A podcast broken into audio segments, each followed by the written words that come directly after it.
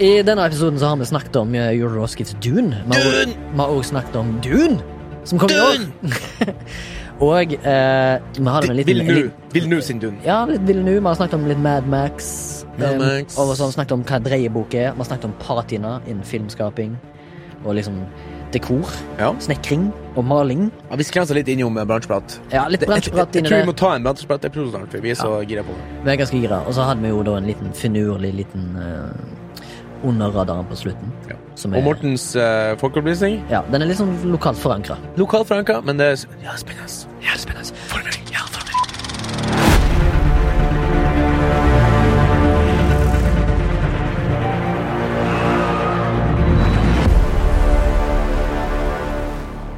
Du, meg og deg, Morten, vi tilbringte jo en natt sammen Ja. Mm. i skauen. Hva syns du om det, egentlig? Det var gøy, det. Første, var det årets første utenatt for deg? Årets første utenatt. Eh, Og første gang i hengekøya. første gang i hengekøya. Men Det var nice, da. Det var nice. Og bål.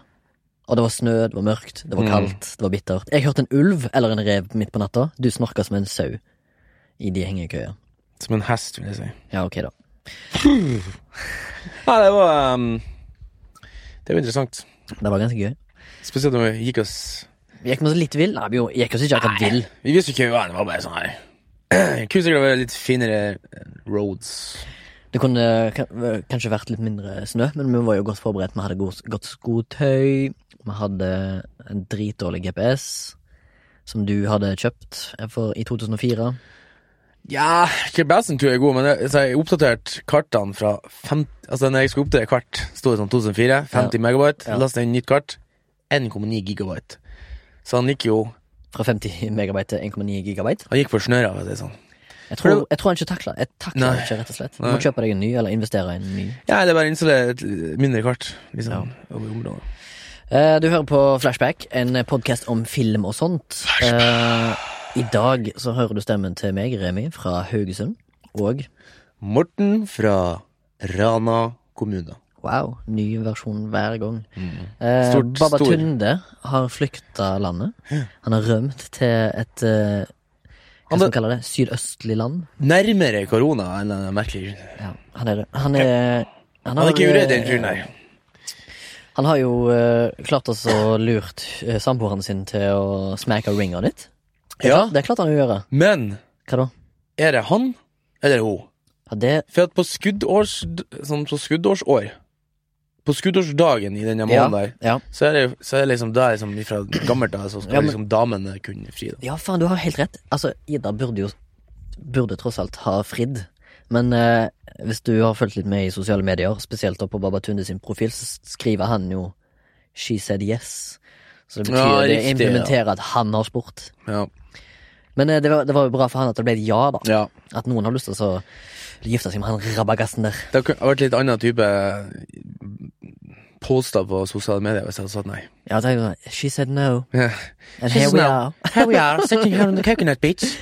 Could you pass me a coconut? Mhm. No, you didn't want to. Åh, ja, du er trøtt og sliten, gutt. Ja. overtrøtt. Eh, mye trøtt. Nei, mye trøtt, ja. Mye jobb for tida. Ja. Det hører jeg òg. Jobba intensivt i dagen før denne dagen, blant annet. Eh, nå er jeg mellom to jobber, sånn, så jeg er ferdig med én jobb, skal over til en annen en ganske kjapt. Ja. Trengte en liten pustepause. Det er litt digg når det går hardt for seg på jobb. ja.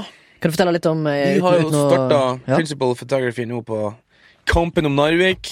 Hitlers første nederlag. Mm. Uten. Den har begynt, ja. Ja. Herlig. Så nå er vi borte i Drammen. Og Hvor lenge har du igjen, da, hvis du Altså, nå er det ikke noe sånn tidsperspektiv her på, eh, på serveren, men når er du liksom ferdig? Eller har du mange ukene igjen? Uh, det akkurat per dags dato er litt usikkert, faktisk. Ja, jeg tror meg og deg sånn. skal jobbe på samme prosjekt neste. Ja. Mm. Men vi skal ikke røpe det ennå. Vi skal Nei, røpe det, det- senere. det, Vi kan ikke røpe det før det kommer en sånn IMDb-konto, eller at det Nei. står i en avisartikkel. Det er sånn jeg eh, tolker det her eh, men det blir mye bygging. Ja, riktig, det har du ikke om. Jeg har snakka med Mm. han har vært allerede. Ja, ja. Jeg tror noen er i gang allerede på det. Mm, ja, ja, kanskje. Jeg skal iallfall i gang ganske snart. Ja. Jeg bygger jo ikke, men På- jeg, jeg henter jo inn. Rekvisitt. Jeg, ja, jeg jobber som rekvisitt. Ja. Assistent. Ja.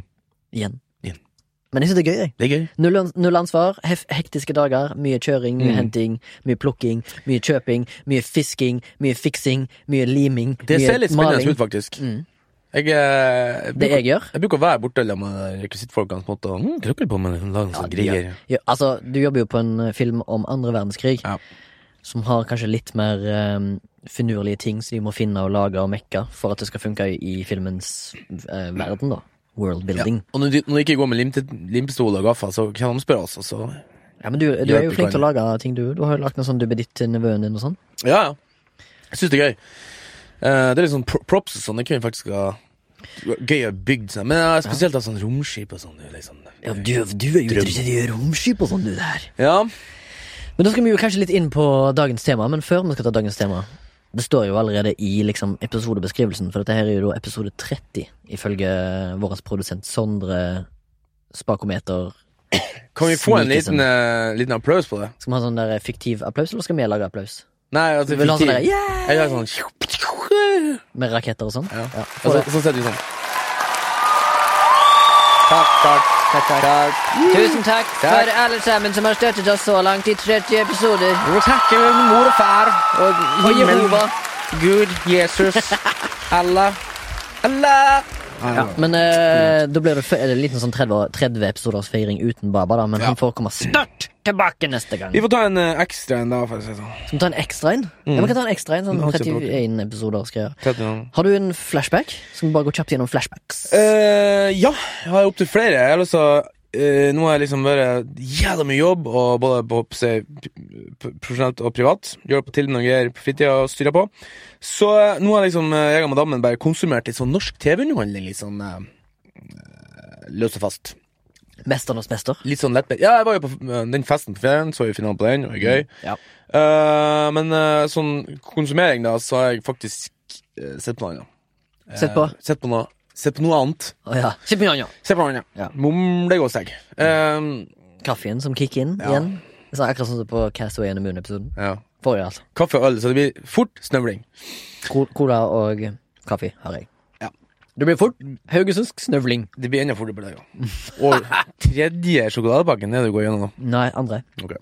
Hei, hysj. Vi Uansett later som det er helg. eh, Skal vi se Lille lørdag, ja. Eh, ja, jeg har sett det. Jeg er også litt sånn her eh, avkledd til Jenny Skavlan. Og det var? Det er en serie om klær og sånt, holdt på å si. Og du, Som du går jo med klær i dag. Har du Ja. på deg eh, bare second hand? I dag har jeg på meg skjorta. Eh, second hand. 30 kroner på uh, Mariastiftelsen bort på Ja, der var jeg og kjøpte noen rekvisitter. Ja, faen, det var genial. En stor, svær butikk. Jeg kjøpte, Svær butikk. jeg kjøpte skjorte, jeg kjøpte sånn her reduksjonslinjal, jeg kjøpte en liten sånn her, uh, opp, en sånn her eh, liten sånn oppladbar sånn her eh, Angel, sånn her eh, spilledåse, vet du, for å ha på telefonen. Eh, Music Angel. Ja. Mm. 30 kroner! For de er sånn, sånn vernebedrift, så de har ikke lov å gjøre seg millionær på det. Så det er superbillig. Jeg anbefaler det på det sterkeste. Still opp, folkens. Kjøp grann. Og jeg har på meg dieselbuksa, faktisk, som sett, som skudd. 35 kroner! Det var eh, helt utrolig. Arva ull, jeg har på meg arva ullsokker og en Pure Og det- Bær-bokser på sag.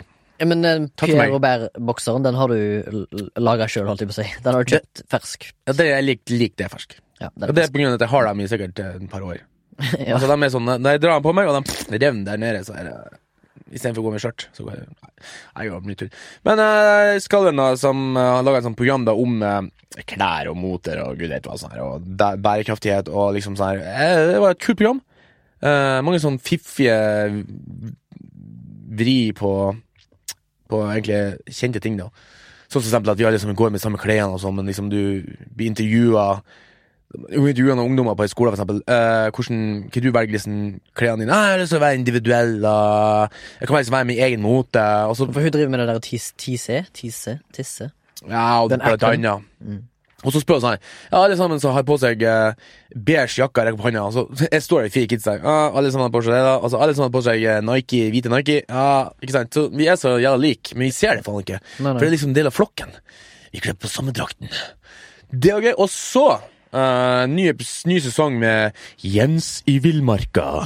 Det syns jeg er gøy. Du, nå har vi jo tisa her i begynnelsen at meg og deg uh, var ute i skauen. Ja. Så du er sånn villmarkens mann. Jeg er lik sånn program, ja. Mm. Nå driver jeg og er planlegger en uh, ny tur. Er du med? Jeg er med, absolutt. Jeg har jo absolutt ingen som venter på meg der hjemme, eller n noen obligasjoner til noen ting. Så jeg er en fri mann som kan gjøre hva faen jeg vil når jeg har fri. Mm. Så da ble jeg med. Vi må utnytte det her før 15. april, som sagt. For da må vi liksom bli Sånn vi kan eh, få utløp for vår pyromani. Ja, for å få ut, uttrykk for det her steinalske Sitte og stirre inn i bålet. Ja, det- er tjukkpølser. og, og, det med bacon rundt. Ja. um, Og kanskje du, du da, poppa ei liten IPA ja. som du har brygga på elefantsnørr. Bært med meg Ja, Stemmer. Og Eh, ja, det var Jens i Hva var det du kalte det? Jens i Jens i Villmarka han skal gå alene i tre måneder i Alaska og leve av det han finner og sank og gud vet hva. Alene. var- Helt alene. Ja, sesong tre. Han var med på den første sesongen med her sti, ja, alene. Der liksom de setter ut åtte-ti eh, figurer oppe i Nordland en plass eh, og skulle liksom om å være alene lengst mulig. Han var, jeg tror han var der i over en måned. Ja. Han var vinneren da. Eh, så han laga en par sesonger der han liksom har gått litt alene opp og, eh, i Norge. Men nå er han da i Alaska, som er liksom drømmen. eh. Ja, Det er Alaska er jo basically Norge i utstrakthet. Nei. alltid litt større. Ja, ja, det er jo litt større, selvfølgelig. Men ja. Han er en jævla jovial, kul fyr. Uh. Eh, Alaska, han Jens, det tror jeg faktisk er NRK. Det er NRK, ja. Ja. Du er ivrig Jeg er ivrig NRK, ja. Ja, jeg er det. Eh, jeg tror faktisk Skavlan òg er NRK. Ja, det er det. Så nå har jeg to NRK. Og så har jeg faktisk sneket litt også på ny sesong av det her Lego Masters, da, men UK. Okay. Og den går på Viasat. Ja. Nei, på TV2. Super. Takk for meg. ja. Eh, min eh, flashback denne uka blir en serie jeg så på HBO, som er uh, heter Zero Zero Zero. Ja. Som er laga av narko Ja, som er laga av disse her gutta boys, eller menn og kvinner, som har laga Gomorra-serien, på- Mhm. som også gikk på HBO.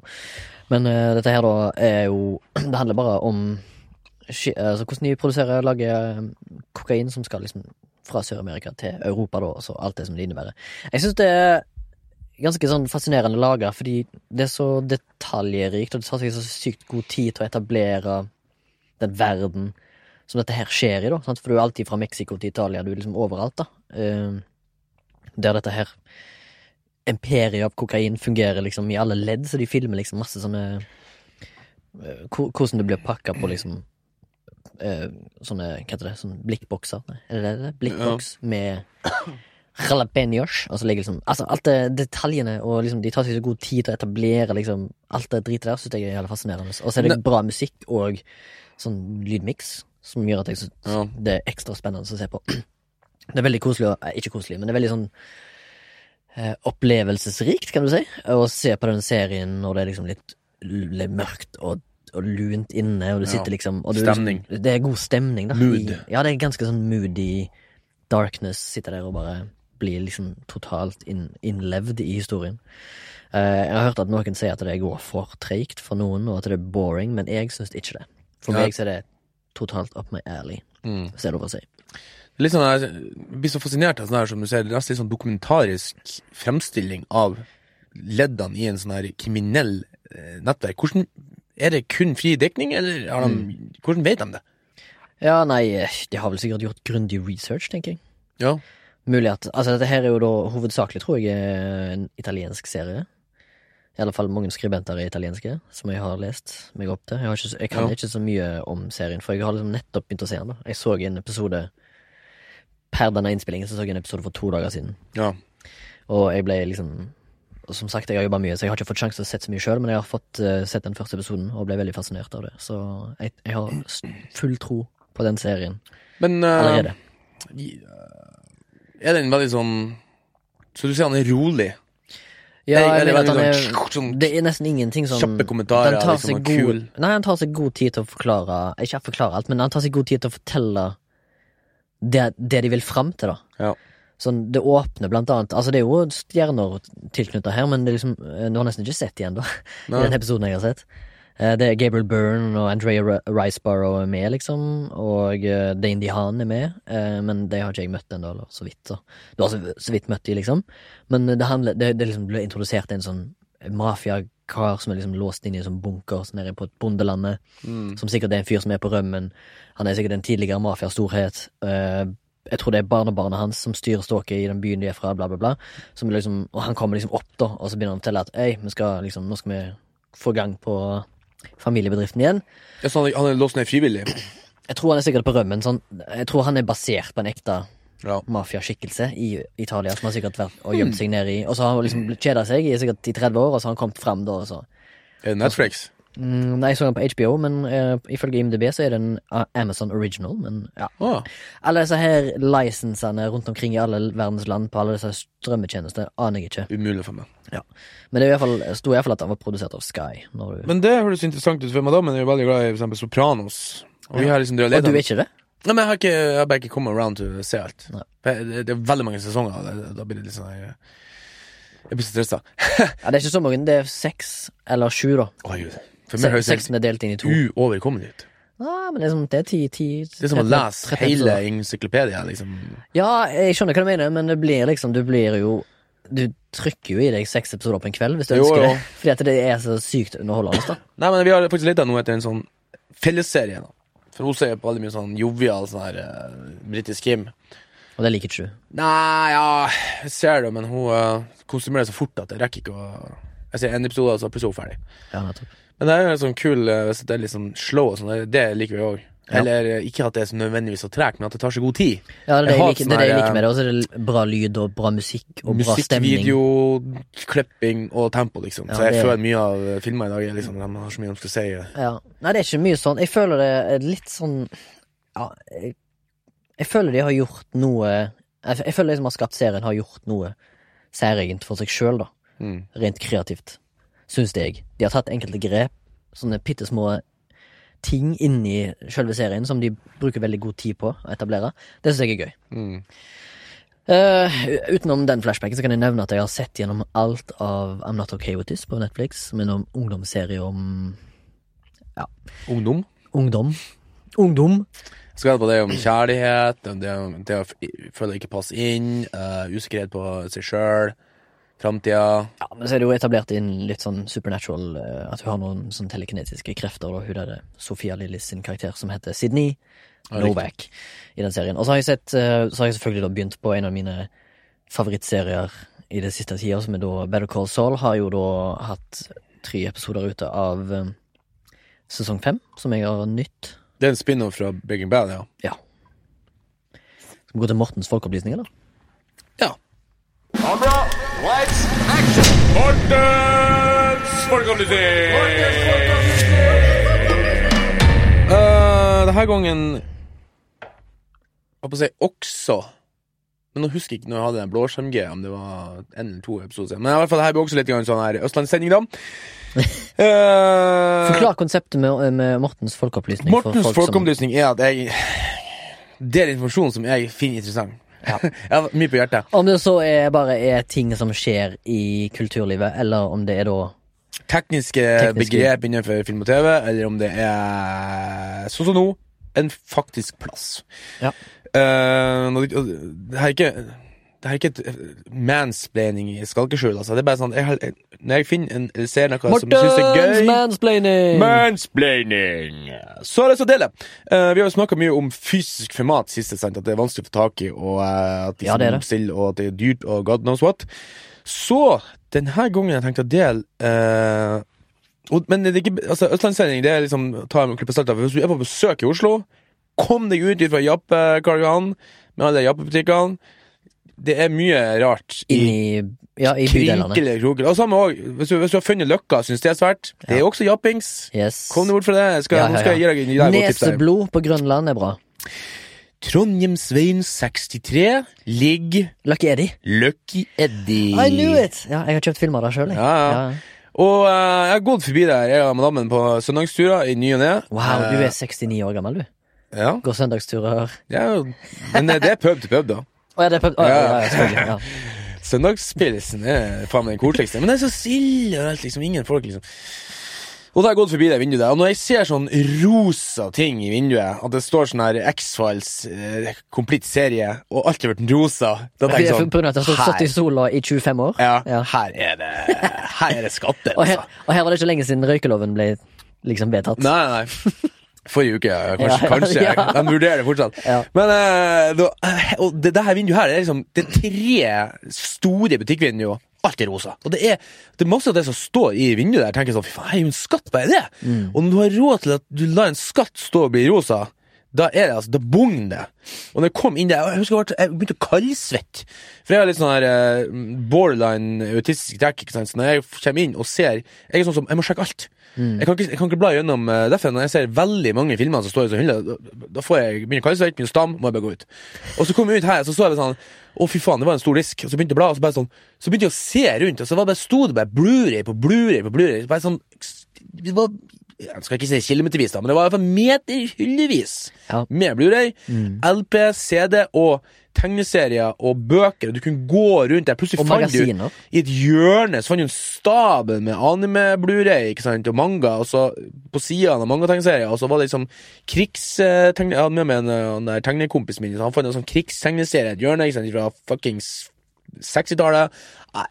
Det bugner der inne, altså. Det henger sånn her Det er sånn drømmebutikk som du ser på film. At det henger sånn duppedingser fra taket i en liten sånn plastikkpose. 20 kroner. Liksom sånn her Se på den en sånn her eh, Hva heter han? Han, Fantomet? Fantometring, liksom. I en sånn ring, i en sånn pose, sånn plastpose, sånn 20 kroner, ikke sant. Ja, ja. Du kan, det- Det er mye gull der er inne. Jeg har vært der inne sjøl og kjøpt noen Blu-rays. Jeg syns det er en veldig bra eh, plass. Jeg, jeg har hørt, Det er lenge siden jeg har vært her nå, da, men jeg har hørt at han har utvida sitt sånn Blu-ray-arsenal. da, Kan du si han Lucky Eddie. han har det nå, og nå er Og så er han på Facebook òg, og på Facebook så oppdaterer han jevnlig om nye ting som er kommet inn. Ja, han har Så også hvis du en på Facebook- internettside. Følg Eh, eh, Lucky Eddie. Og du kan lage en konto uh, med sånn her uh, Hva heter um, At han liksom gir deg oppdatering på ting på, på uh, nettsida si lucky.no. Ja. Hvis du, har, Ja. hvis du er i byen, ta en tur dit. Hvis du er glad i tegneserier, film, LP, CD, Bøker, uh, magasiner. PlayStation-spill, Ja. uh, Nintendo-spill, uh, spillekort, uh, Magic-kort. Alt er Og brukt. second hand. Og Second hand. stort lokale med masse rosa ting i vinduet. Og så står det en sånn her litt sånn skjeggete, hårete kar sånn sånn, som han spiller Jokke og Valentinerne. En typisk uh, sånn her eh, Hagler, hva faen heter det på sånn her spill? En sånn her, Ja, sånn, ja, ja, en sånn eh, Ja, en hagler. Ja, en sånn kjøpmann, ba liksom. Barter. Barter. Ja. Ah, hva En til kjøpmann. deg? En kremmer. Ja, ikke sant. Han, ja, kremmer med stor K, det er det han er. Mm, ja. For at du kan sikkert selge hva som helst han òg. Han har sikkert noen sånn spesialgir under disken òg, for et uh, spesielt interesserte. Ja. Fy faen, det var en Anbefales. eh, bra, bra pødder, pøddere. Det mener jeg Mortens, Pøddere. eh, Mortens folkeopplysning eh, her på podden. Thank you. Eh, altså, skal vi over til dagens tema, da? Vi er jo langt inn i episoden allerede. Ja. Kanskje litt for langt. ja. Uh, men uh, meg, meg og deg har jo Eller du har iallfall satt din elsk på sci-fi-universet. Sjanger. Og sjangeren i alt, egentlig, når det gjelder både spill, film og TV og serier og TV-serier. Uh, så vi skal snakke om Kanskje ikke Dune, akkurat, men eh, den eh, dokumentaren om Alejandro Jodorowsky, som skulle lage Dune på 70-tallet. Og du, du sa du nettopp hadde sett den, og jeg har sett den. Så kanskje vi kunne bare snakke om den, og liksom, snakke om dokumentarer generelt sett. da Om en film som aldri ble til, men nå skal bli til. Men det ble jo da selvfølgelig ikke under regi og skaperverket til Alejandro Jodorowsky. Nei. Men det blir jo da Denis Villeneuve istedenfor som skal stå for den. Og den kommer vel i år, hvis ikke ryktene Den kommer i år, ja. mm, Til høsten, tror jeg. Eh, Har premiere. og det er jo det her jeg går og Det er den neste nå jeg går og venter på.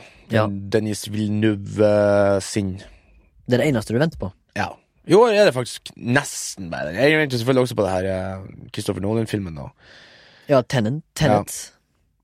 Er det det han heter? Tenet? Ja. Hva betyr det egentlig? Tenet. Tenet. Nei, jeg har ikke tenkt på det. Altså. Tent. Tent? Tenet? Tenet. Tenet. Nei, det er faktisk ikke knekk på. Jeg tror det er bare sånn Er det ikke det palindrom? Ja. At det er det samme forover og bakover? Det var det enkle. Det er Tenet. Det er jo- er ikke akkurat sånn Agnes i senga. Nei, eller Otto. Navnet Otto. Eller regninger. Ja, for det er jo et palindrom. Mm. Heter det palindrom? Ja. Nei, sikkert ikke. Don't quote us on this. Men du hadde Faen, sett den, eh, eh, du, den Dune til han eh, Villeneuve ser jeg på IMDb Pro at han fakt- faktisk opptunet i 2008 begynte med å spekulere på den. Ja. Så det er han uh, ja, men den har jo den har, Ok, så da eh, Alejandro Jod Rod- Jodorowsky Han er sånn chilensk kar som lager kunstfilm, vil jeg kalle det. da. Han har den derre E- E- El Topo, og så har han den derre La Sang... Nei, La Montaña Sangrada. Hellige The Holy Mountain, ja. Holy Mountain. Det er sånn veldig særegne filmer. Mm. Nå har jeg bare sett bruddstykker av den der El Topo, som er ganske kjent. Jeg har egentlig ikke sett noen av hans filmer, men jeg setter pris på han som kunstner, hvis det er lov å si, uten å egentlig ha sett så mye av han. Altså På Fordi- bakgrunn av denne dokumentaren som vi snakker om nå, så Ja, så er han en veldig fascinerende gubbe. ble han for meg veldig fascinerende. Så han var e- ekstremt På grensen til sånn barnslig navitet over uh, alt, liksom. Mm.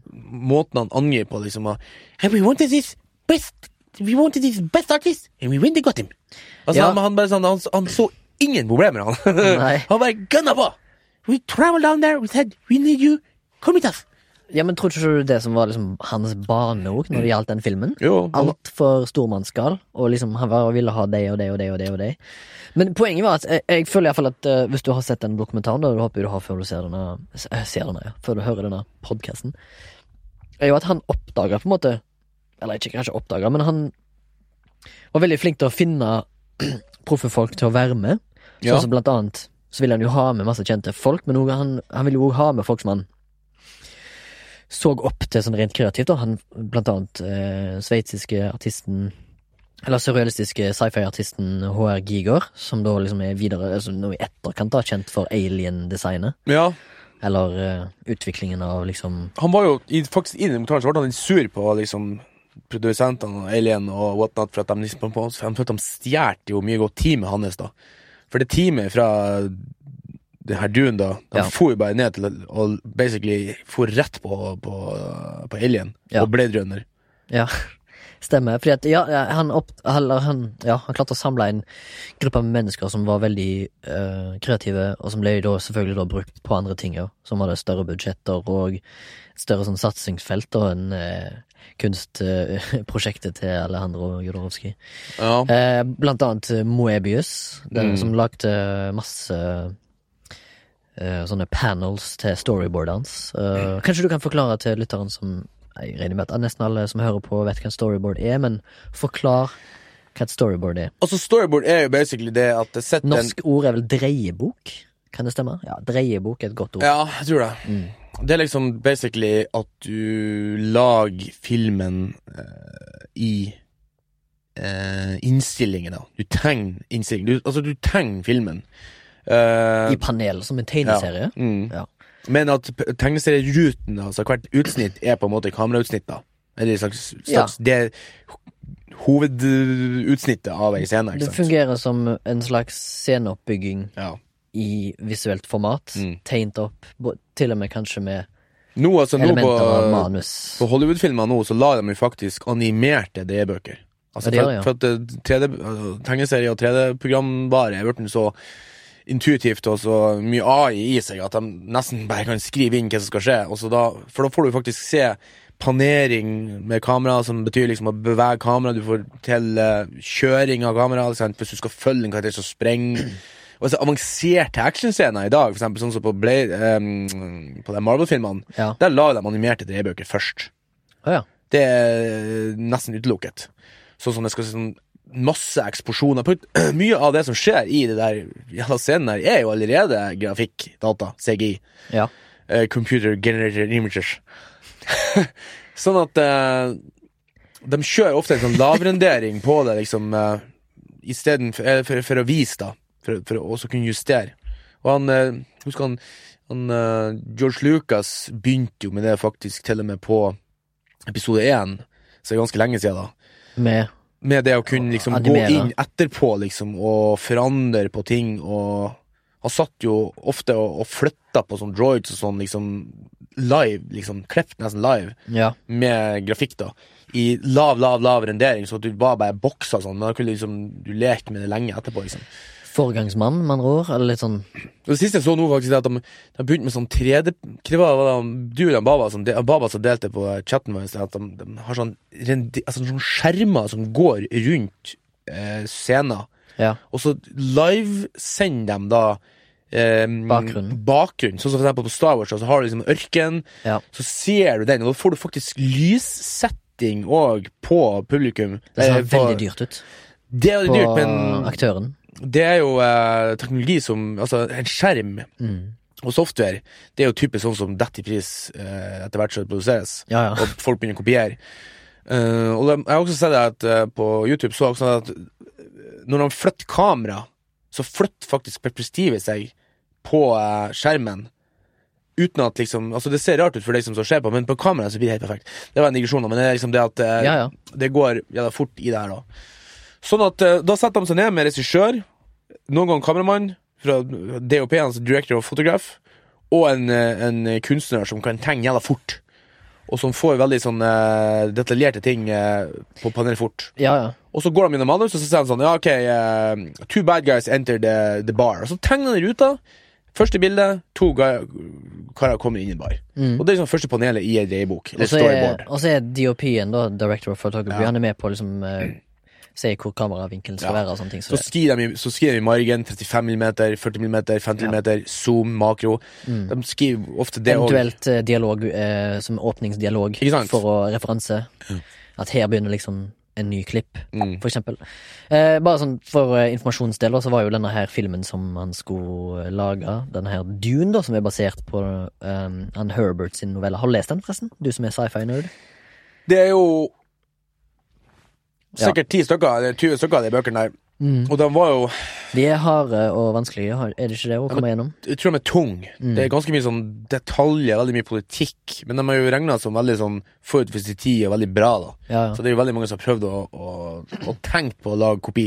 Men det er litt sånn som mm, Hobbiten og Sim, Sim, Silmarillion. Sil, Silmarillion, at de, de, de regner, har vært lenge regna som u, ufilmbare, da. Ja. For at det er så avansert, og det er så Men ja, men det kom jo liksom fram i denne dokumentaren òg, om den som heter da Jodorowsky Stuen, eh, at eh, siden den var så lite filmbar, som du sier, så utvikla de jo dette her 3000 panel 10 3000 tegninger, panel eller dreiebok, til filmen, som en sånn egen sånn manus. Fordi at det er mye enklere å for forklare det visuelt. mm.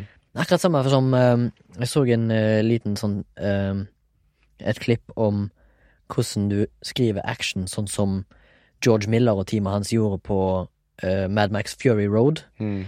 Der det var en som prøvde å forklare at uh, denne filmen her var nødt til å være basert denne, Og, og uh, Mad Max Fury Road er jo basert på 3500 Mm. tegnte paneler og, gans, og ganske få sider med man manus. Men det grunnen til det, det demonstrerte denne her youtuberen som jeg så, da, var fordi at de forklarte når han Digresjon selvfølgelig til Mad Max, men når han eh, i Morton Joe tar på seg den eh, plexiglass-armoren, Mm. så er det to eller tre kutt, eller scener som liksom Eller fire, da, kanskje, når han tar på seg maska. Mm. Og så demonstrerte han dette her. Dette her, er da, dette her kan bare bli forklart i fire tegninger, enkelt og greit. Mens hvis du skal skrive ned alle detaljene i de fire små klippene som varer mindre, kanskje seks eller sju sekunder, Mm. Så måtte du nesten ha ei helside bare for å forklare det. Og dette her var snakk om seks sekunder. Mm. Tenk hvis hele filmen, som har så mange nye ideer og så mye nye eh, visuals på alt, til hvordan en bil ser ut, eller hvordan en karakter ser ut rent, rent eh, fashion, altså i, i fashionen For det er så spesielt univers. Eller, ja, eller, ja, det er så spesielt. Så denne, den filmen her, du kan ikke skrive den, uansett om du er en briljant skribent. Så er du nødt til å tegne det opp for Nei, å få forklart det. Og så det tror jeg du skrive. Du skal ikke skrive så beskrivende i et manus heller. Nei. For manuset skal være liksom en slags verktøy for eh, de forskjellige Mm. Selvfølgelig blir det vanskelig for artpartnerne hvis de ikke får beskrevet karakterene. Ja. Men det verste, altså den største fella du kan gjøre i et manussammenheng og sende inn til prosent, det er sånn svarte sider som du snakker om nå. Ja. Der det er liksom tett med skrift. For da bare ah, fuck altfor er skriving. Det, til forskjell da, så så han, eh, så så han på um, manuset til Star Wars, når den kom ut. Og der står introduksjonen til Darth Vader står forklart i én setning. Det at han kommer blafrende inn med sin svarte cape og sin hideous mask. Ja. Det er det som står forklart. Mens liksom hvis du skulle forklart hvordan Immortan Joe ser ut, så hadde du jo måttet Du måtte jo, Det er jo så spesifikt Mm. hvordan han, han går kledd. Med den der hestemaska og pustebelger på ryggen og liksom pleksiglassarmer med medaljer på, og de puster sånne der talkum på den der pussbelagte ryggen hans. sånn Jo, jo, men til forsvaret for vanlig manus, da, der står han kommer i en cape og stygg maske, Mm. Ja. så er det bare en slags visuell referanse til regissøren. Ja, ja. For som regissør så har du et enormt ansvar. Du er øverste kunstneriske leder, så du må ha det her visjonen klart for deg. Så når du går i gang med det manuset, ok, det her er det vi skal gå for, da skal det hovedsakelig stå dialog og liksom plott. Og så. Går du i møte med fagsjefene, ikke sant. Ok, fagsjef eh, eh, Kost og Mask, kom Ja. inn hit, ikke sant. ja. Immortal Joe, han skal ha masse kvise, bla, bla, bla. bla. Eh, designerne, eh, um, syersken Jeg skal ha en sånn pleksiglassgreier. Begynne å tenke på det. Jeg, jeg, kan, jeg kan gi dere et lite referansebilde her. Mm. Ja. Så det er jo Man kan gjøre det fortsatt, men eh, de, de syntes jo det var spennende da han, George Miller sa de tok jo en liten sånn sjanse med å lage en tegneserie av det. da Ja. Og han originale manuskriveren de fikk jo faktisk fyken. Han var litt, han var litt sånn irritert. Eller Ja, i dag de- er han ikke det, da, men uh... Filmen kom ut i 2015, og de begynte på Drei- Dreieboka, altså sjølve panelene, tegningene av Fury Road, begynte de på i 1999. ja, ja. Så det tar jo tid å etablere det universet. Jo, men han måtte jo også ta en bremse av det store det her, krigen i, i Irak. ja, for de skulle egentlig i innspilling 2003 skulle de i innspilling. Ja, og så ble det jo det her eh, 9-11 og mange sånne greier som, som passa dårlig inn for det var liksom Ja. litt av samme tematikken nesten. Ja. Så det var jo også en grunn til at det utsatt. Men han sa Mille, at han syntes det var bra, for han fikk en leng lengre tid til å tenke. Og så fikk han laga de tre filmene han egentlig hadde tenkt, til én, som ble Fury Road. Ja. Så begynte han på ny, på uh, Fury Rosa, ja, som kommer nå. Nei, det er ikke det heter The Wasteland. Ja, er Wasteland, ja. Men det er vel om henne, tror jeg. Han har i planene å lage Nei, nei, det er med Max. Å, er det det, ja? Ja. Han har i planene om å lage en, en pur eh, Furiosa-film, da, som, Ja, på en måte, okay. eh, som handler om dette her. Det er Vuvalani, de der eh, gamle damene på motorsykler som de møter. Ja, ja. Trodde det var det han skulle i gang med nå. men- Ja, han hadde planer om det òg, men jeg leste iallfall at eh, han hadde nå fått eh, grønt lys for å spille inn. Eller er blitt spilt inn, da. Eller holder på nå. Men eh, han sa jo at eh, grunnen til at det har tatt så lang tid mellom Fury Road og dette her, er jo på grunn av et uh, låsut, leste jeg. Ja. Fordi han gikk over budsjett. Ja, det var Jeg leste også om det. Jeg tror vi har snakka om det på podkasten. Kanskje. gang, at, Det det var bare barnslig gøy. Det var sånn her eh, Faen, var noe? Det var noe med Sony, i hvert fall. Nei, det, så da, De fikk 150 millioner i budsjett, Ja. og så Måtte tilbake og, så, inn noe på nytt. så, ja, så holdt han seg til budsjett, Mm. men så måtte de ta noen uh, ganske utvida reshoots. Ja. Uh, og de måtte spille inn noen ekstra scener for å få ting til å funke. Og han, Og det kosta Det kosta 18 millioner. ja, det var peanuts, da. Som Ja. han sjøl sier. Og da mener, så, da, mener, liksom- da mente studio at de, han gikk over budsjett, men sånn, ja, men dette her er jo en helt separat innspilling. Ja, riktig. Ja. Og så ble det et lås ut mellom George Miller sitt selskap og eh, Sony, eller whatever. Ja, det var Sony, ja. Men, men, Jeg vet ikke om det var Sony, men Jeg tror det faktisk det var det. Ok, men sier Big eh, Soulless Corporation mot George Miller. ja, for de jo også De hadde jo allerede planer om å selge seg ut, sånn som jeg forsto det. Ja. At det var et annet selskap som skulle ta over. Men så Ja. hang de igjen det. Og sånn som han Som jeg leste artikkelen, og så var det sånn at de ville egentlig ikke gå inn i et låsut sånn Sony sjøl. Men det, det var noen sånn forpliktelse. De måtte, Sony, de måtte med, faen meg gjøre det. Det sier Big Soulless Corporation. Ja, ja. uh, på grunn av at liksom, du har brutt kontakt, så har du brutt kontakt, da må du gjøre det. Bla, bla, bla. Ja. Og så sa han men herregud, vi har spilt inn i milliard, faen ikke dere klager, liksom. Det liksom Ja. Han gjorde det egentlig ikke så skarpt på box office. Eller han gjorde det ganske bra i USA alene. Ja, jeg tror han ganske godt uh, Det er ikke Star Wars-tall, noe som er overraskende, i og med at det er såpass god film. Jeg så han igjen recently nå. ja. Veldig Han er fortsatt gull, altså. spiste opp et eller annet jeg skulle si der. Ja, ja. Uansett, da. Eh, det ble en diskusjon av det. Men eh, som sagt, det er jo samme da med Djoroski, og de lager det her Det får du se i dokumentaren. Det Ja. er, altså, det er en halvmeter bok. Ja, den er ganske feit, ja. Med Eh, panel, 3000 paneler. Det er skikkelig sånn her eh, coffee table-bok, Ja. Men det som er Og kult den sendte de jo rundt. Han sa at alle produsentene i Hollywood har en sånn i samlinga si. Mm. Hvis de ikke har permer og sånn. For de sendte den jo ut da til liksom alle produsentene. Jeg tror, tror at Jeg husker ikke antallet, men det var over Det var titalls, altså. Og Men han var jo så sykt inspirert. Eller jeg bare fortsatt, fortsatt, fortsatt. Nei, det var ingen, ingen hoppa på det. var det ingen Ja, det var ingen som hoppa på, nei. Nei, Nei. nei men han eh, Så vidt jeg leste på en artikkel, jeg tror det var på Open Culture eh, Jeg jeg anbefaler ikke det, den blekka. Fordi at det er bare masse reklame. Men eh, de, de skrev iallfall at eh, han var så inspirert av Orson Wells sin måte å lage film på, han Jodorowsky. Spesielt av den der Touch of Evil, som har en sånn svær sånn crane shot i begynnelsen, med sånn lang tagning. Og han ville at eh, liksom filmen, filmen hans, da, eller filmserien Dune, som han tr trodde sjøl kom til å bli 14 timer lang Ja. Altså, Dune, hans, hans versjon av Dune var 14 timer lang. Han ville ha såpass lange, dronende scener, da ja. i denne filmen at eh, Altså når de skulle I planleggingen og alt det dritet der, og, og liksom det er derfor filmen Eller den der dreieboka er så tjukk. Det, var, det er så mye, liksom, han vil ha med. Og de brukte vel kanskje to, mellom to og ni millioner dollar bare i preproduksjon før noe var innspilt på, på 70-tallet. ja. Men de setter jo Ja. i lag en sånn villa i Frankrike. Av den grunn. Og Med et stjernegalleri av folk. Ja, men mange av dem var jo eh, ganske sånn uhørt. Blant annet han som skulle gjøre spesialeffektene, var jo han uh, Dan O'Bannon. Dan O'Bannon, ja, som Ja. har liksom gjort eh, Han hadde gjort Dark Star. Dark Star, Ja, liksom. sånn bitte små eh, sci-fi-greier. Men han er jo big nå, liksom. Ja, men ikke som spesialeffekt. Nei, Eh, han ble vel, det var et manus han ble god på, eller sånn, gjorde mye av. har ikke peiling. Jeg har sett den Dark Star, forresten. Ja. Det er jo sånn, nesten, sånn- det er jo sånn skoleprosjekt med det der boom, boom, det alien er en sånn der Ja. rød, rød sånn hoppeball. Ja, Det er Jævla sånn stilig, da. Og, der, og, der, og da sa han jo For han har jo snakka med noen sånne her spesialeffektfolk da eh, i Hollywood, han uh, Mm. som skulle ha så mye penger, så det her var umulig, og så But then look at this guy! He made this spaceship for thousand dollars! I want him! Så bare få han sånn Jeg skal ha deg! Og han var sånn Du verden, liksom. Så tok han, fikk han kjerringa og han, og, eller ja, kanskje ikke kjerringa, men flytta Hun, hun sa jo det, hun ble oppe på begjæren, for han bodde jo der i, i månedsvis i Frankrike. Ja. Og satt dagen lang og jobba med der dit. liksom, i sånn Sikkert en jævla sånn deilig situasjon, en sånn kreativ pool, og så så mange det er sikkert, rom, det er sikkert superromantisert. Bare tilbakeblikk på det. Jeg tror nok ikke det var såpass uh, Ja, men det, Hvis du tenker tilbake til på, på skoletida Hvis du hadde gruppearbeid Hvis, Ja. hvis gruppa var skikkelig bra, dere hadde Ja. god kjemi, du tenker 'å, fy faen, her er kjedelige folk', mm. det, det er jo gøy.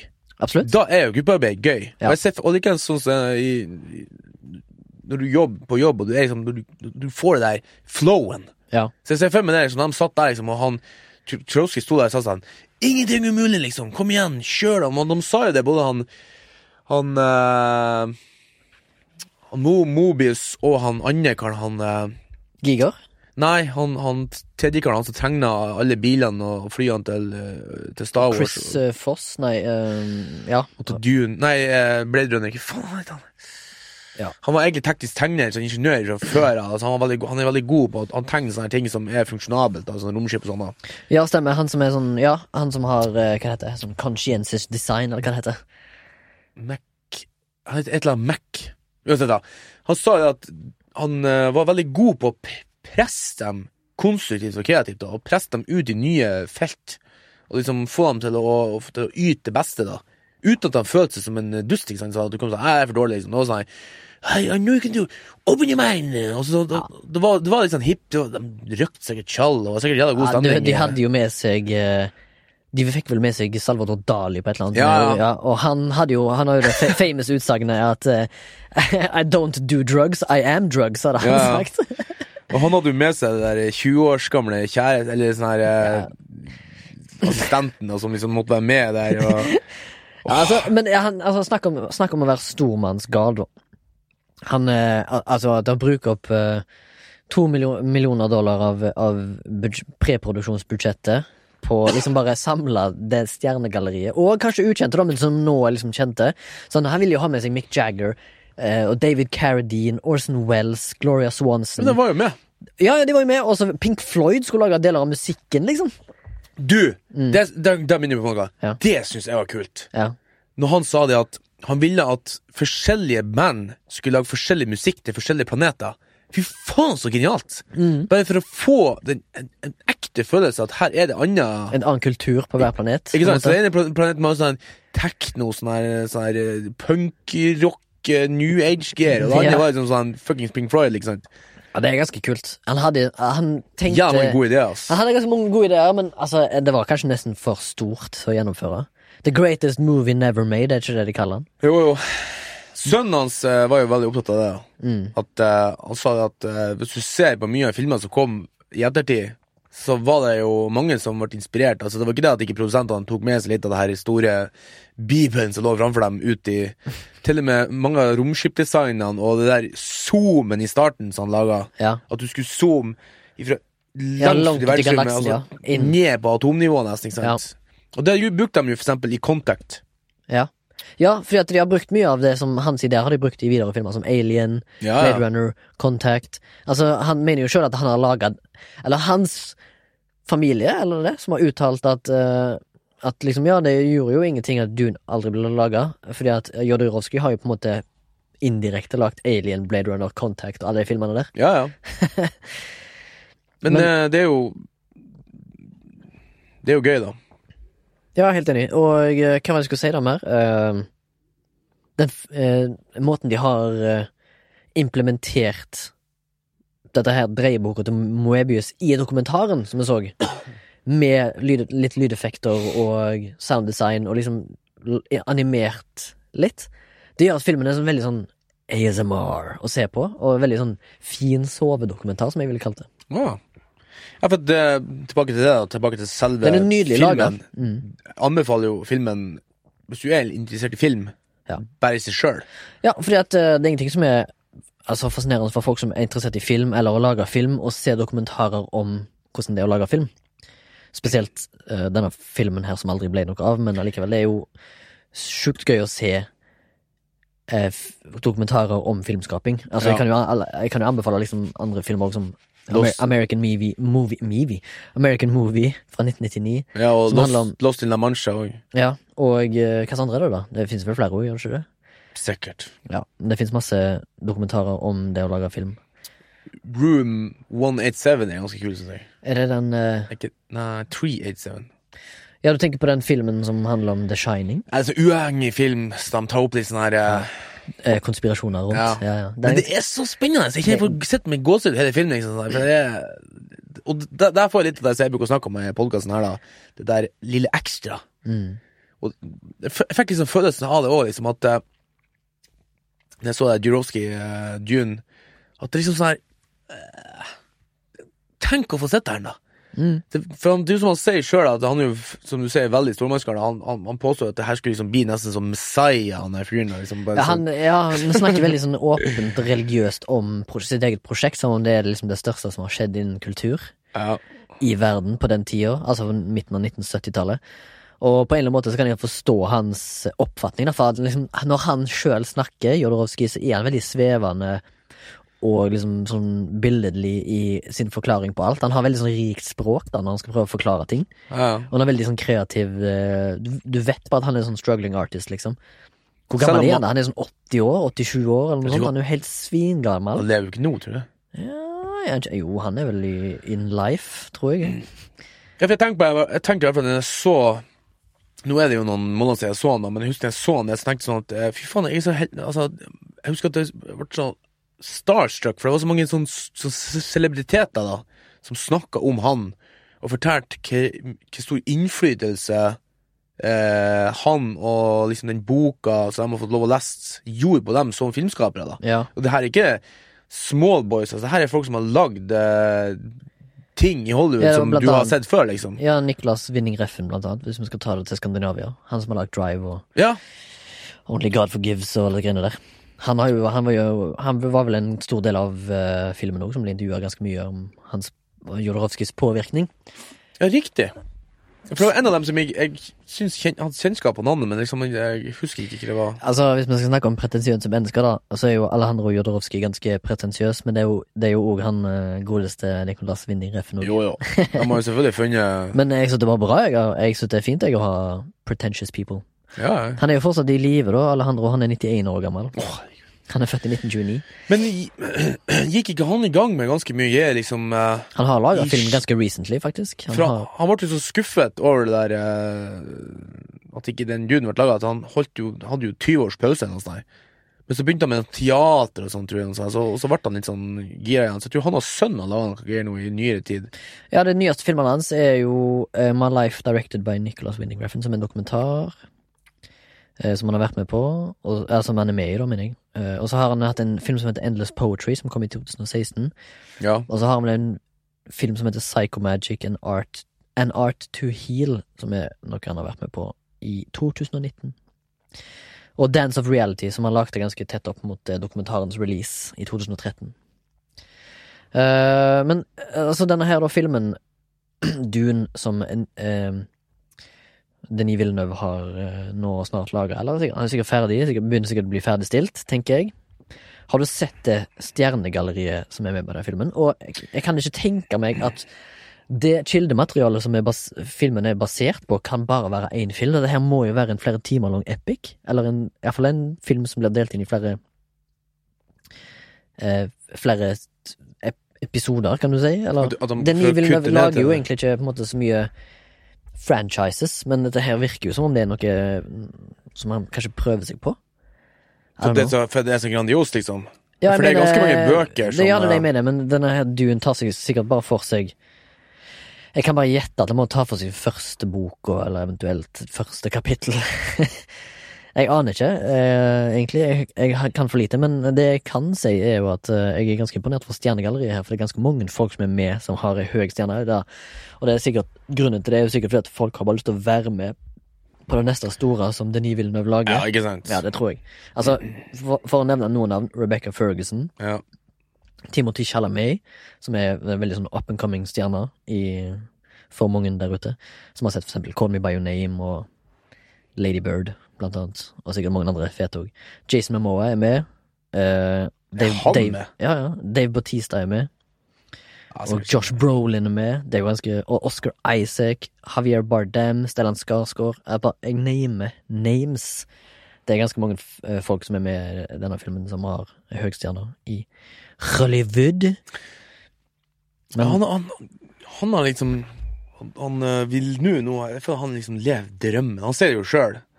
At ja, liksom, når han han, lagde Blade Runner, så sa han jo at uh, han levde drømmen fordi at han lager en film i et univers som er basert på hans favorittfilm, Ikke sant? som er fra 1982. Den Blade Runner-originalen. Og han sa jo det liksom at uh, It's like a dream. I'm, I'm super scared. Han, han, han er jo superredd for å, og bæsj på legen. Ja. For at liksom, når du skal liksom lage en oppfølger til en film som du sjøl hadde vokst opp med, liksom kanskje blitt jobb i film på grunn av, så må det være helt Det forundrer meg ikke om uh, Denis Villeneuve får et hjerteattakk før han er fylt 50. Eller han er kanskje 50. Han er sikkert over 50. Nei, På et intervju nå når Johan Dun sa, så, så spurte han meg om meg om jeg ville liksom lage James Bond. Og liksom, jeg er super-James Bond-fan, liksom. Og, Ja. liksom, jeg, hva skal jeg gjøre, liksom? De, de kommer med så mange tilbud, og jeg får ikke, jeg får ikke pust, liksom. Mm. Og Dun sa han, det var så vidt han, han liksom Han turte å, å ta ja til det. Så han, han spurte først han, eh, han eh, DOP-en som han bruker hele tida, og en til fyr. Roger Deakins? Ja, jeg tror, tror det er det Ja. skal vi gjøre det her, liksom? Han er så bare sånn Ja, for, for faen, liksom! For at han liksom Han trenger yes people rundt seg. Han har aldri liksom uh, laga science fiction før, da, eller i hvert fall lenge siden, han Dickens. Ja. Så er det sånn Ja, det her vil jeg prøve, liksom. Mm. Ja, ok, da kan vi prøve det. Han, han sa det sjøl på intervjuet at han var lenge sånn hesitating, for at han syntes det virka, virka så overveldende å liksom Ja. lage Dune. da. ja, det kan jeg tro. Det er mye som hviler på dine skuldre. Og eh, ja, så, hvis du ser på Blade Runner, da, så 2049, så var jo det en helt super, fantastisk laga god film, liksom. God sci-fi, god story. Slow burner nå, liksom. Ja, en super slow burn, og akkurat sånn som det liker jeg. Bare sitte der og bli Jeg satt i kinosalen og ble totalt immersed i historien. Med the, the spectacle, liksom. Fordi at du får både lyd og bilde noe som bare Og så mye sånn bredde seg på netthinna og i trommehinna, for å si det sånn. rare ting som liksom du tenker på lenge etterpå, liksom. Ja, absolutt. Og så har jeg lyst til å se han igjen, fordi at han er så Nesten every shot, altså hvert bilde i Blade Runner er liksom så gjennomført. Men det er det jeg syns han er god på, for han klarer å blande det her som vi har snakka om før, men liksom det, en dash kommersielt. Ja. Så at folk liksom Han får det liksom produsert og salta, Mm. med det der utsnittene sånn som er Som bildet ser mer enn tusen ord, liksom. Ja. At, han, at han får inn den filosofien og liksom det der lille ekstra. Ja, ikke bare det, så føler jeg at han, han tar Han vil ha detaljer i alle ledd i bildene, da. Sånn, du kan ofte se på en film som kanskje har lavt budsjett. Så ser du kanskje at den skal være, filmen skal være fra 80-tallet, men så plutselig ser du en liten blunder i, inni en bakgate som er langt i bakgrunnen. Så ser du at det kjører forbi en 2019-bil, liksom. Sånne feils det kommer ikke han til å gjøre i sine filmer. Nei, nei. Du, kan, du ser detaljer i bakgrunnen liksom, som er ute av fokus, som tilhører den verden. Det er Mm. ingenting som er feil der, liksom. sånn, sånn type måte å lage film på setter jeg så jævlig mye res, uh, i respekt. da. Ja. Så for eksempel når han, han, han fær han, eh, han Han roboten da I Blade Runner Fær Ja. til han der eh, Kay. Ja, fær til han fyren uti i Han der Ja, Dave Bautista sin karakter. Ja, Ja, på den der, eh, den, den proteinfarmen. Ja, Mm. så Og det er jo et ørkenlandskap, ikke sant Det er Ja. skodder, det er sørper, ditt lort Og så ute på gårdsplassen Så står det et sånt tre Uten løv og sånn Der liksom øh, Og så Du tenker ikke noe over det Før du får vite det at han har begravd Hun, eh, hun kjerringa si under det Ja. Og så begynner Og så plutselig Så så, så jeg plutselig Vaierne som liksom er festet i treet Ja. og så bare sånn Ble det helt sånn her Helt slått i bakken liksom Av, av uh, symbolikken i det da liksom Mm. At han skal liksom På en måte Det er liksom Det er på en måte hennes liksom Bauta Eller liksom På en måte uh, Gravstøtta. Ja liksom Ja Statuen da Mm. Eller en slags sånn her eh, tro, Trophy for, for, for, for henne Ja. Og sånn Den, den er festet med vaier liksom, den- Den detaljen der liksom Mm. Det bare Når jeg satt i kinoen jeg bare Å fy faen Jeg ble helt sånn Jeg husker jeg begynte å Tårene presse på Jeg ble helt sånn Jeg ble så emosjonelt engasjert Det er gøy når eh, noe kan engasjere såpass mye at du begynner å renne ut av kroppsåpninger. Ja, bare en vaier, Det er liksom. positivt. det er positivt en vaier. Jeg, Jeg, jeg syns det var utrolig gøy å se når han satte seg inn i bilen sin, og så ser du sånn derre sitteslitasje på skinnsetene. Sånn som det er som man har suttet i- s- suttet seg inn ut av den bilen der i 20 år. Men det Ser sånn jo flusser på setene. Ja, ja. Det er så jævla bra patina, da, som det heter. Og forklare patina til de som ikke vet hva patina er. Patina? Patina? patina. Patina er jo uh, wear and tear, som vi kaller det. Ja. Altså, Hva er eh, wear and tear, da, Morten? Det er Altså, en, en ting er jo uh, For å få ting til å se innlevd. Ja, brukt ut. Brukt, ja. På en, eh, på en film, for eksempel. Hvis du ser en film, Mm. og det er sånn hytta, det er sånn sot rundt For eksempel, eksempel da, sot rundt i røret som går ut der. Mm. Så kan du garantere på at det er en maler, en kunstmaler, som har stått med en, er dekormaler. Ja, en dekormaler da, så står med en sånn her eh, blackwash, som de kaller det. Sånn hele rag, filla dyppa i svartmaling, som Ja. er miksa og dypp rundt der. Ja. Eller hvis det er litt rust på en hengsel, Ja. eller hvis du ser noen ripe i gulvet, eller hvis dørstokken er litt slitt. Jeg har stått og pussa dørstokker. Nede, sånn- ja. For det skal se ut som det har gått og traska folk der inn og ut i 50 år. ja, sånn, sånn, sånn gamle hytter og sånn. For at, eh, altså, til og med i norsk film og TV, så vil du ikke tro hvor lite som egentlig er, håper jeg, ekte. Ja. Det er jo selvfølgelig, budsjettet kommer jo an på, vi har nå i Narvik så bruker vi jo gamle hytter og gamle hus og sånn, men det er jo, de er jo, de er jo kledd med moderne ting, sant? Strømkabler, nedløpsrør, eh, koblingsbokser, parabolantenner, og alt det der skal liksom skjules billigst mulig, fortest mulig, og uten at det hemmer dagliglivet så mye for dem som bor der. Så det er, det er mye kreativitet. Det er faktisk det. Mye kreativitet og mye som skal på plass for at folk skal kjøpe universet. Men eh, det var en ting jeg lurte på. Jeg husker når jeg jobba på det som kaltes for Seashore, eller Besatt, som har gått på Viaplay nå. Eh, så lagde dere en, eh, en husfasade inni en flombasert gate, som var gul. Mm. Og den malingen på det huset der, Mm. det var jo laga som om det har vært der i 20 år, men det var jo det ble jo laga for ei uke siden, når vi, la, når vi satte det opp. Men eh, hvordan var det dere fikk til den malingsprosessen der? Er det ikke det maling, maling og vann? Altså, det der eh, Gammel oljemaling og vann? Dekormalerne si våre, de er Ganske dyktige. Altså, du, du, vi bygger noe som ser helt nytt ut, og så går vi ut, og så kommer vi tilbake. Så, så forsvinner det. Ja. Det. Det ser så gammelt ut, liksom. Ja. Og det, akkurat den teknikken der tror jeg vanligvis heter sånn planking. De, for de finner mye sånne teknikker sjøl, ikke sant. Ja. Eh, du Har du lyst til å name-droppe noen folk som er proffe? Nei, jeg tror ikke jeg gjør det. Nei, ok. Er ikke sikkert de vil eh, Nei, nei, sant. Men nei, det er ikke så mange, men det er en del. Mm. Så det, Kvinner og menn. Det, ja, ja, ja. Det minker jo selvfølgelig rekkene, i og med at eh, det er så mye outsourcing til eh, utlandet, liksom. Ja. Er litt har- synd, men, men Norge har noen helt superproffe Helt dekormalere. Ja. Og de vi- kan vi- lage superbra patina. Ja. Patina? Patina? Patina, ja. Patina. Og vi har jobba uh, på James Bond. Mm. Og når Snømann var her i, og hadde produksjon, ikke sant? og vi, da, vi får jo høre helt til stadig at vi Det er jo på, nivå med liksom utenlandsk Det ypperste Ja. innen utenlandsk. Ja. Så det er litt gøy å få høre, da. I Ja. og med at mye av det er liksom de har funnet på sjøl. ja. Liksom, liksom Teknikk som du bare finner på der og da. Men akkurat den kan jeg kanskje røpe uten at de er sur på meg. Men sånn, da tar du De har en sånn Bare en plankebit. Ja. En flat planke, for du har jo, det er jo paneling i veggen, ikke sant. Ja. Legger den flat på bakken, og så tar du maling på en planke Ja. istedenfor malerkors, og så drar du den bare liksom fort bortover sånn. Ja. For da blir ikke det, det blir ikke så tett, malinga. Nei, Så da får du sånn og så Først maler man jo selvfølgelig grå, da. Mm. Så det ser ut som det er sånn grå tre. Ja. Og så drar de liksom gul over, og så blir det sånn, sånn flekker. flekker, ja, som du ser at du har hus, husfasaden har stått og kokt i sola Ja. i 20 år, og så har det bobla seg ut, og så har det sprukket. Mm. Ja, for det, det, det var det jeg ble imponert over. Fordi at når vi satte opp, eller dere satte opp det huset, den husfasaden, så så det ut som dere har funnet dette, denne husfasaden oppe i Sørkedalen utenfor Oslo. Nei, det På et forlatt hus som har stått der i 20 år. Men box fresh materials. det er helt box fresh, ja. Det er kult, da. Stil, stilig. Eh, at ikke alle kanskje tenker over hvor mye jobb som er bak det dere konsumerer på TV og film og Netflix og kino. Ja, ironisk, ironisk nok, det er en av dem jobben. Gøy jobb vi har, da.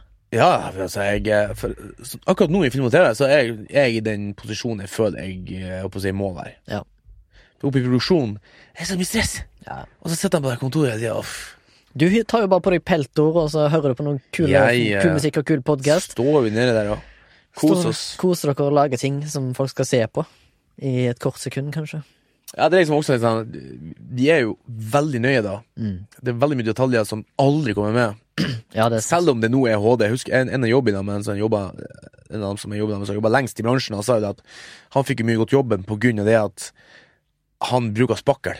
Ja. For de gamle NRK-heltene, ikke sant, når det var liksom sånn Sånn 16 mm-film, ikke sant. Da var det ikke så jævla nøye. Du kunne slå inn firtomspiker og bare let it be. Mm. Men så fikk de jo bedre og bedre kamera sant, i TV og media, og Ja. så plutselig så var det en, som, eh, en ungdom som kom inn da, som liksom var litt kreativ og litt praktisk, så begynte han bare ta spakkelen, ikke sant. Så bare sånn Mm. Det ser mye bedre ut! Faen, du, du får jobben, ikke sant. Ja. ja. Kreativitet. Altså, hvis du finner på nye eh, måter å løse ting på på en enklere måte, så får du alltid jobb. Men så klart, vi er jo også bestandig på utkikk etter litt sånn gamle materialer, sånn, hvis vi skal lage noen gamle senger og sånn, så, og det skal være sånn hero pieces, som vi kaller det da. Ja.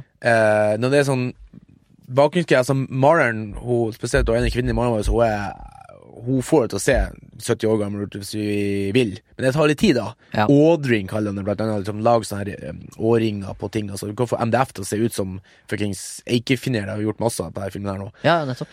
Eh, men uh, når vi skal liksom lage en hero piece, så er det jævlig mye Det er jævlig Når du skal lage en hero piece. Ja. Ja, det betyr, det. det betyr at det er en, en, for eksempel, for eksempel en seng, da, Ja. der det skal sette en, en karakter som skal ha mye dialog, så er han så nært at det, det, han vil være i fokus, den òg, ikke sant? Ja. Så da er det enklere og kjappere for oss å bare finne gamle materiale, lage inn senga, og så bare flekke øh, malerne våre i liksom der vi har kappa, for der vil det bestandig være fresh, Ja. og så gir det litt ekstra sånne pati- patina, da, sånn liksom hvis det er en seng, da, og du har en gammel planke, så puster du litt på kanten. Så du som sitter mange ganger der liksom, og, og gnunne føttene. ja, ja. For det er liksom det er liksom kult, og du må liksom hele tida tenke historier. Når Ja, du bygger ting. Og, ja, dere òg, ikke sant? Ja, men vi må tenke at tingene har, eh, har en, alle tingene har en historie.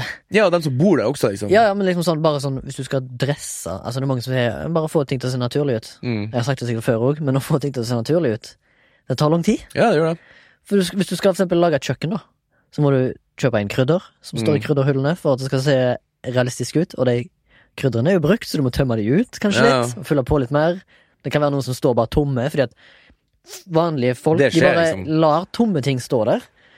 Til de trenger det, liksom. Å, fuck, jeg måtte kjøpe nytt pepper jeg, til pepperkverna liksom, for eksempel. Og så smitt og smuler i hist og pist, og så sånn her, det fettet som spruter oppover til veggen hvis du bygger helt ny leilighet. ikke sant? Alt Ja. det der må liksom gjøres. Ja, ja, ja. Ja, det er jævla spennende. Det må, ja, det er veldig gøy.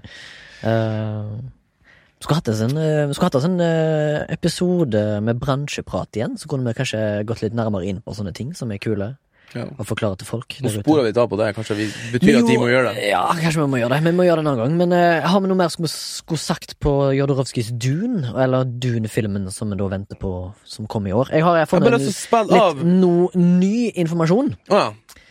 Det er at uh, Denis Villeneuve har be bekrefta at uh, Dune-filmen kommer til å bli splitta i to filmer. Mm. Fordi han har lyst til å sørge for at den originale historien kommer ut der i sin helhet, og ikke blir splitta i million pieces, som han sa. Så han vil, ha, han vil at det skal bli to filmer uh, som han lager. Men det skal være på en måte en film som er en helhet, da, hvis du ser begge to. Skjønner du? Mm. Men det, det tror jeg bare fordi at, som vi var inne på litt tidligere, er at kildematerialet er så langt og svært og grovt. Det er tungt. Tungt. Tung politikk. Det er sant, det. Har du Jeg har forresten Jeg tror jeg hadde en under radaren, men hva var det du sa du ville gjøre, sa du? Jeg vet ikke, jeg skulle bare spille et sånt klipp av han der uh, Villaroski Der han prater Jodorowsky? Jodorowsky. Ja, men hvis vi finner det Hvis du finner det i etterkant, så kan du sende det til Sondre, så kan han legge det oppå her. This system make of us slaves without dignity, without debt. No? With a devil in our in our pocket. This this incredible money. I in the pocket this money, the, this this shit, this nothing, this paper who have nothing inside. Movies have heart. Boom, boom, boom. Have mind. Have power. Have ambition. I wanted to do something like that. Why not? Han sier at, eh, at Han føler sjøl at det var pengene som knekte han.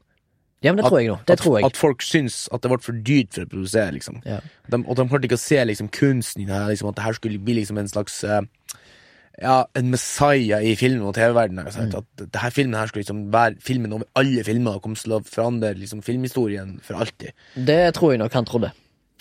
Men det hadde jo Altså, hvis du this? This money! I hate this money! Han, Ja, det ja. klippet der, jeg, synes, jeg, jeg, synes jeg, ble faktisk, jeg fikk en tåre i øyekroken da han sa det. Det, Det er veldig følelsesmessig. Ja, ja, Sår, også- sårbar kis. jeg, like, jeg liker det. blir Jeg jeg liker. emosjonert, eh, engasjert fort. Men det er bare bra, det. Fordi at uh, Hvis eh, du ikke har sett denne filmen som vi snakker om, Gives Dune, så anbefaler jeg deg å ta en titt på den. Uh, hvor så du han Såg du han? Men ikke dug.